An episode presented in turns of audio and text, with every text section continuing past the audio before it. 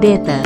Di episode catatan Wakil Rakyat kali ini, kita akan berbincang bersama Wakil Ketua 3 DPRD Kabupaten Sukabumi dari fraksi PDI Perjuangan, Yudi Suryadi Krama. Penasaran seperti apa menariknya perbincangan kali ini?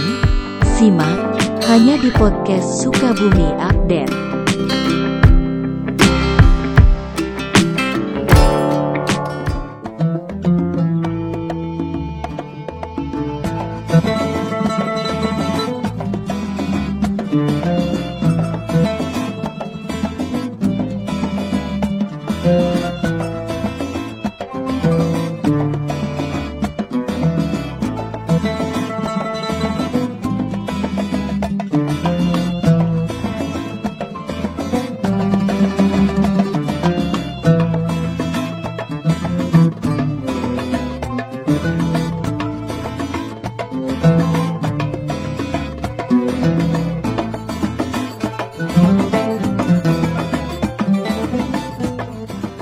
Assalamualaikum. Waalaikumsalam warahmatullahi Kang. wabarakatuh. Eh, Damang. Kang? Alhamdulillah. Bang, silakan duduk. Mampir kan kita main ke rumah nih. Alhamdulillah. Pengen silaturahim dengan Kang Yudi, Ya. Wakil Ketua DPRD Kabupaten Sukabumi sekaligus Ketua Partai PDI Perjuangan. Sehat kan? Alhamdulillah. Sehat, Kang? Alhamdulillah. Sibuk apa sekarang Kang? Alhamdulillah.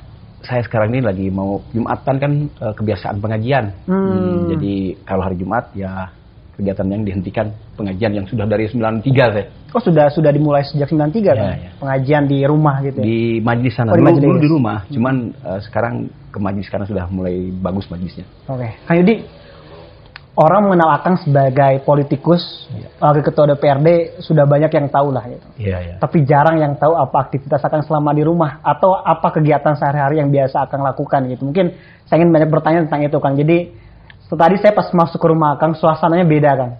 Suasananya terbangun, suasana yang terasa itu sangat sangat sangat hangat, sangat kental dengan nuansa keagamaan dan lain sebagainya lah. Apa yang bisa Akang sampaikan dengan kondisi seperti ini Kang? Ya, pertama kalau partai itu kan amanah. Hmm. Kalau keseharian kan yang sudah dilakukan eh, sebelumnya. Eh, kami memang eh, berkebiasaan untuk di hari Jumat mengaji. Dan itu eh, pekerjaan di Toriko kami. Saya ke partai juga berdakwah. Gitu. Artinya bagaimana caranya kita ini bukan dilihat pakaiannya, tetapi eh, apa yang bermanfaat buat masyarakat dari kedekatan kita terhadap Allah Subhanahu wa taala. Jadi ya ini kesehariannya begini aja saya sebiasa-biasa aja gitu. Kalau memang mau bertani bertani. Pakai sarung gitu ya. Malahan teman-teman nggak pernah saya lihat baju yang ya begini aja kalau di rumah pakai sarung. Gitu pakai sarung. Jadi tadi mohon maaf disebut belum ganti. Hmm. Iya, iya. Tapi bukan pencitraan tapi memang Memang seperti dari dulu ya, gitu begini dari dulu. Dan ini sudah berjalan sebelum Akang berpartai berarti. sebelum berpartai semenjak Oke. jadi kepala desa gitu. Apa Kang yang Akang apa namanya motivasi Akang melakukan aktivitas ini? Apa yang apa yang Akang dapatkan lah dengan kegiatan seperti ini gitu? Yang pertama hidup itu harus nyaman. Mm-mm. Nyamannya saya di sini. Gitu. Tetapi ketika saya melaksanakan kepartean, itu adalah perintah yang harus dilakukan. Artinya bagaimana caranya menata partai supaya bisa bermanfaat buat masyarakat. Kalau misalkan sekarang kita tidak bermanfaat, buat apa kita berpartai? Oke. Iya, kayak Ketua umum juga memerintahkan turun ke bawah, bermanfaat buat orang banyak. Partai menjadi alat media untuk Ya, bermanfaat. kebetulan itu. kan gini, kita ini tidak berdaya upaya. Tetapi karena yakodiru Allah yang maha menakdirkan dan yang muhimin Allah yang maha mengatur, saya ditakdirkan berpartai, ya tetapi tidak bisa melepaskan kebiasaan saya yang memang eh, kesehariannya bersama-sama masyarakat. Kalau di malam Jumat, eh, apa minggu ketiga itu kita burdah. Hmm. Kalau misalkan hari Minggu 10.000 ribu sholawat, minggu pertama, ya kalau hari Jumat ya bersama-sama dengan jamaah. Oke, menarik Kang. Akang itu pimpinan partai PD Perjuangan, sekarang pimpinan DPD. Tapi sebelum itu saya ingin bahas dulu tentang eh, perjalanan politik Akang yang dulu juga pernah menjadi kepala desa. Itu mungkin bisa diceritakan kan awal. Sebelum nanti kita bahas tentang Hmm. lebih jauh tentang partai, bagaimana kebermanfaatan untuk masyarakat lewat partai itu kan. Tapi perjalanan Akang waktu itu seperti apa? Manusia itu kan terbentuk dari sosial yang memang melakukan hal-hal yang memang Allah takdirkan yang kita tidak paham. Hmm. Ternyata bermanfaat untuk di masa depan. Saya pernah jadi security juga mas. Pernah kan? ya? Pernah. Di Lido saya hampir 2 tahun. Ah. Ah, security. Di sana bisa memaknai bahwa kehidupan itu memang eh, kita harus terima. Hmm. Nah, terus juga dulu saya pernah jadi office boy. Hmm. Pernah juga pegawai pabrik. Jadi kami dengan pelajaran-pelajaran itu kami bisa memahami apa yang menjadi penderitaan, apa yang jadi keluh kesah karena kami di sana. Nah, tiba-tiba tahun 9 apa 90 ke sini tiba-tiba saya bertemu dengan pengajian ini yang memang nikmat di hati. Nah, akhirnya kami dibimbing oleh Ustaz Abdul Aziz Alhamdani dan Habib Ja'far Baharun terus berlanjut mendapatkan kenikmatan. Hmm. Tiba-tiba saya tahun 2000-an saya jadi ketua pemuda Demokrat, Oh, Oke. underbownya PDI Perjuangan. Mm-mm. Di sana ya saya punya sekjen Pak Jainuddin lah. Pak Jainuddin sekarang di provinsi. Mm-mm. Saya di kepala desa. Mm-mm. Kepala desa saya bujangan. Belum menikah. Jadi Belum kepala desa itu ya? bujangan. kan. Oke. Gitu. Bujangan di tahun 2022 saya jadi kepala desa. Eh, Periode pertama sampai 2008, 2008 sampai 2014. Karena ada PJS dulu waktu itu. Jadi eh, sampai 2014. Ya kenyang lah dengan masyarakat. Ternyata bisa bermanfaat orang banyak itu ada kenikmatan tersendiri. Tapi menarik kan berarti Akang memulai karir politik dengan kepala desa dan sebagainya itu berawal dari pengajian. Maksudnya dari ketentraman yang Akang dapatkan di pengajian itu. Ya itu tadi, setiap apa yang kita lakukan, Allah maha mengetahui. Hmm. Ketika mungkin cocok jadi kepala desa, saya ditakdirkan kepala desa. Semua manusia inginnya jadi hebat, jadi misalkan jadi pilot ataupun jadi dokter yang hebat. Nggak ada yang menginginkan misalkan jadi security dulu. Tetapi itu perputaran jalan itu Allah yang maha mengetahui buat insan dan makhluknya. Jadi ketika pas kami masuk ke dalam kepala desa, kami menyadari siapa kami. Kalau nggak berguna buat orang banyak ataupun bisa tidak menorehkan sesuatu hal yang kebaikan buat masyarakat, buat apa? Hmm. Gitu. Akhirnya dari kepala desa itu tiba-tiba sekarang juga jadi dewan gitu kan. Iya, pimpinan lagi. Pimpinan lagi. Pimpinan Nggak bermimpi juga saya jadi ketua dewan gitu, nggak juga apa pimpinan itu yang kedua juga kepimpinan DPC juga ada. Tapi ya ketua umum mempercayakannya ke saya yaitu yang harus jadi amanah buat saya dan untuk bisa jadi pegangan tanda tangan beliau itu harus dipertanggungjawabkan untuk Iya. bisa jadi eh, hadir di Kabupaten Sukabumi. Apa alasan Akang waktu itu memilih PDI Perjuangan menjadi lokomotif perjuangan Akang? Sebetulnya saya dulu awalnya eh, orang yang mencintai Soekarnois ya. Hmm. Nah, jadi Bung Karno ini bagi saya figur yang luar biasa, rahmatan lil alamin dan dia bisa masuk ke Muhammadiyah pertamanya, terus di NU juga diakui. Seluruh kapasitas komunitas di Indonesia mengakui beliau. Nah, apa sih sebetulnya?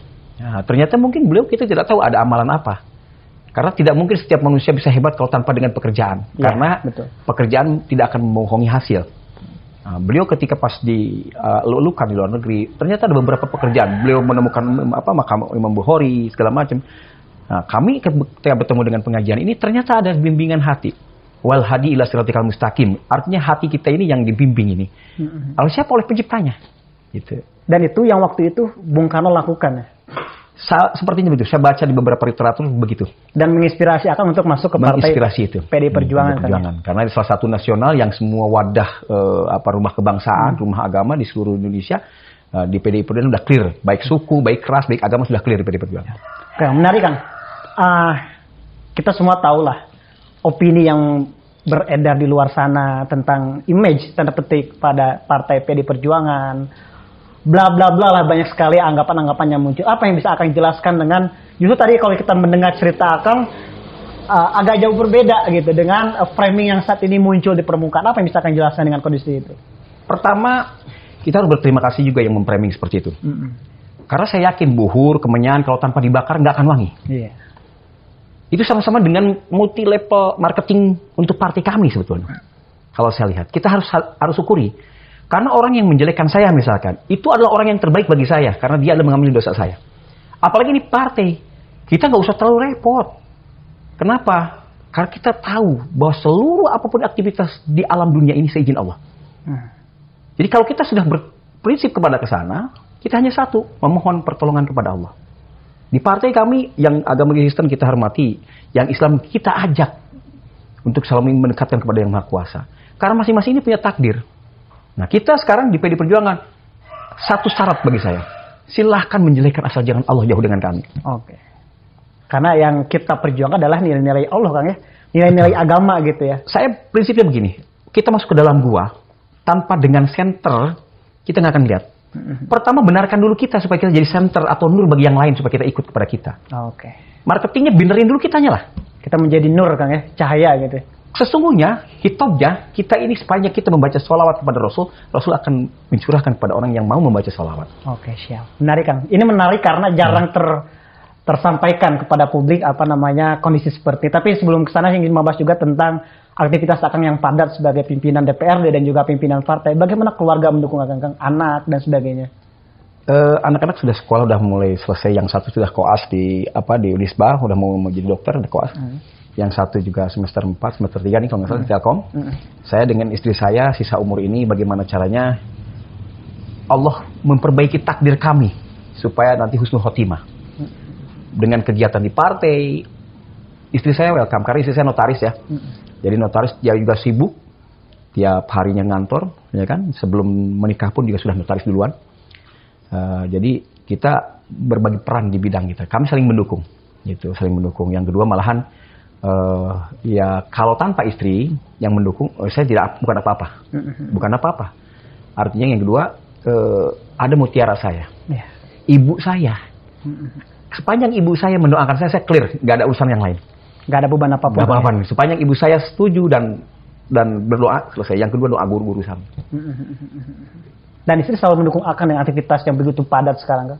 Alhamdulillah bahkan mereka itu selalu berdoa selalu bertanya kalau misalnya di mana? Sampai di mana? Ibu saya begitu. Dan istri saya juga sampai mana? Udah makan belum? Jadi kalau udah pulang tiap malam pun beliau nungguin. Sweet Kang ya? Ya. Sweet. ya itu harus ya, karena gini kalau di dalamnya sudah nggak clear maka keluar pun nggak clear. Iya, iya.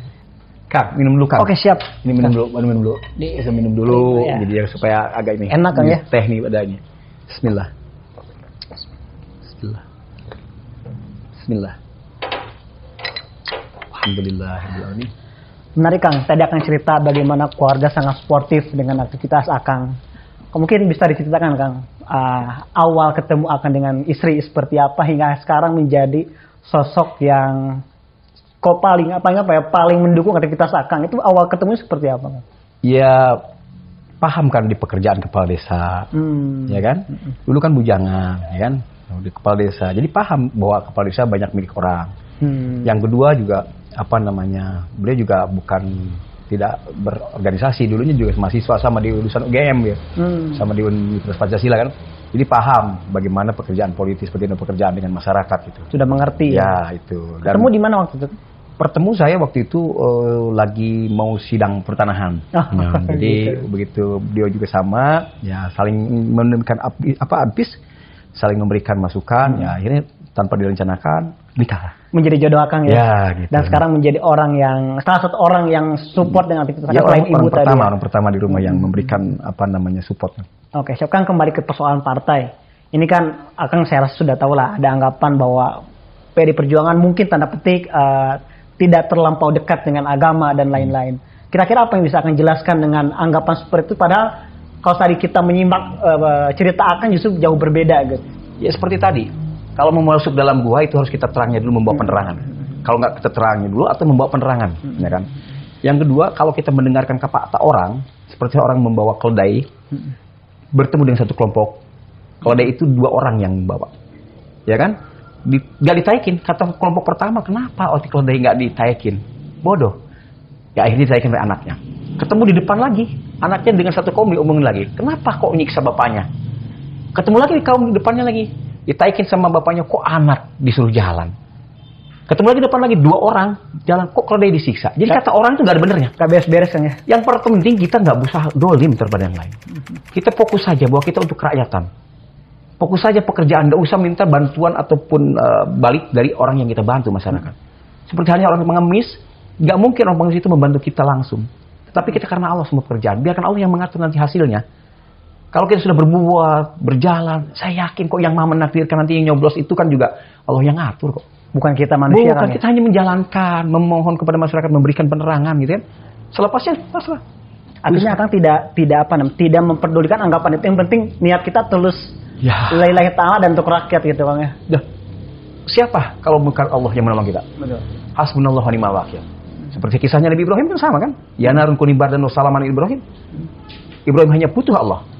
Siasat sebaik-baiknya adalah siasat Allah, bukan siasat kita. Betul betul. Gitu. Kalau misalkan sekarang kita terpaku kepada harus begini begono dan menipu rakyat lagi, udah gitu kita hanya ingin menang, nipu lagi udah dosanya dua kali sudahlah. Hentikan itu, kita berbuat biar Allah yang bergerak. Nah, kita buat lurus untuk rakyat ya. Jangan diperberat kita. Tanpa harus membawa embel-embel agama, Kang. Agama itu urusan pribadi kita dengan yang Maha Kuasa. Oke. Saya mau tadi sebetulnya kalau nggak dadakan nggak mungkin pakai begini. lebih baik saya lebih baik pakai PDI aja lah kalau Iya. gitu. Tapi karena memang ini udah kebiasaan ya susah ya. Tapi yang jelas urusan ibadah kita adalah dengan yang maha kuasa. Urusan pekerjaan amaliah kita adalah itu aplikasi apa ibadah kita. Artinya anggapan PIP jauh dengan agama justru tidak benar kan? Artinya padahal eh, para kader PD Perjuangan justru terinfiltrasi oleh nilai agama untuk berbuat baik pada masyarakat. Harus karena suatu tantangan itu akan membuahkan hasil. Hujan ada payung, ya kan? Artinya kalau tanpa tantangan kita nggak akan mungkin bisa maju.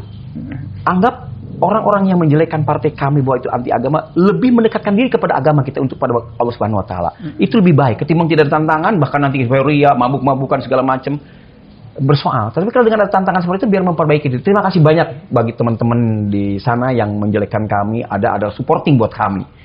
Buat kami teman-teman di PDI supaya tetap beribadah lebih baik lagi. Karena apa? Berterima kasih kepada teman-teman sudah memberikan dorongan motivasi supaya kita beribadah. Jangan dianggap itu adalah kesalahan. Oke, siap. Lurus kepada Allah Kang ya. Selesai lebih nikmat. Siap. Satu kata tentang politik Kang apa? Politik itu adalah ibadah. Ibadah Kang ya. Nothing tulus untuk Allah untuk masyarakat. Tokoh politik idola Kang? Saya hanya Soekarno.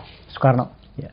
Oke, siap. Terima kasih Kang Yudi sudah menjamu kita mampir di rumah dan sudah banyak Oke. berbincang dengan Kang Yudi. Menarik Kang Ya. membahas tentang partai eh, PDI Perjuangan di baliknya ternyata sok seperti ini. La haula wala quwata. Siap. Tonton Kang. Iya, Kang. Yuk.